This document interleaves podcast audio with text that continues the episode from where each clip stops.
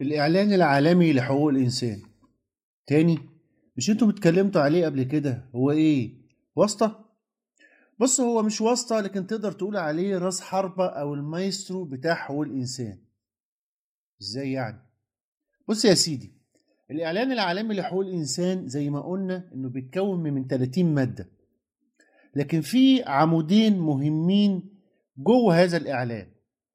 أول عمود المادة 3 اللي بتقول إن لكل فرد الحق في الحياة والحرية والأمان على شخصه. والمادة دي تعتبر تقديم أو تمهيد للمواد من أربعة إلى واحد وعشرين.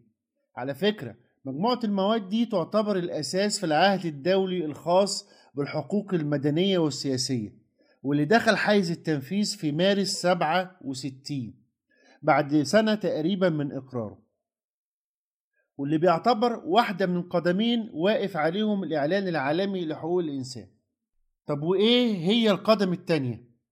شوف يا سيدي العمود الثاني في مواد الإعلان العالمي هي المواد هي المادة رقم 22 واللي بتعتبر هي كمان تقديم للمواد من 23 ل 27 من الإعلان ومجموعة المواد دي هي كمان تعتبر الأساس في العهد الدولي الخاص بالحقوق الاقتصادية والاجتماعية والثقافية واللي بيعتبر القدم الثانية للإعلان العالمي واللي دخل حيز التنفيذ يناير 1976 بعد عشر سنين تقريبا من إقراره طب مش تقول لنا العهد الدولي الخاص بالحقوق المدنية والسياسية ده بيتكلم عن إيه؟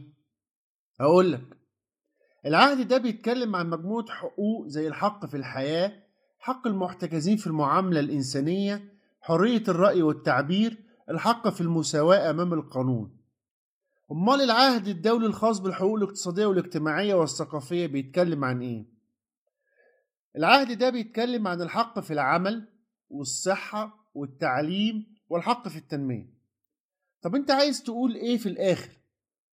عايز أقول الاعلان العالمي لحقوق الإنسان بالإضافة إلى العهد الدولي الخاص بالحقوق المدنية والسياسية والعهد الخاص بالحقوق الاقتصادية والاجتماعية والثقافية والبروتوكولات الاختيارية بيشكلوا منظومة حقوق الإنسان أو ما يسمى بالشرعة الدولية.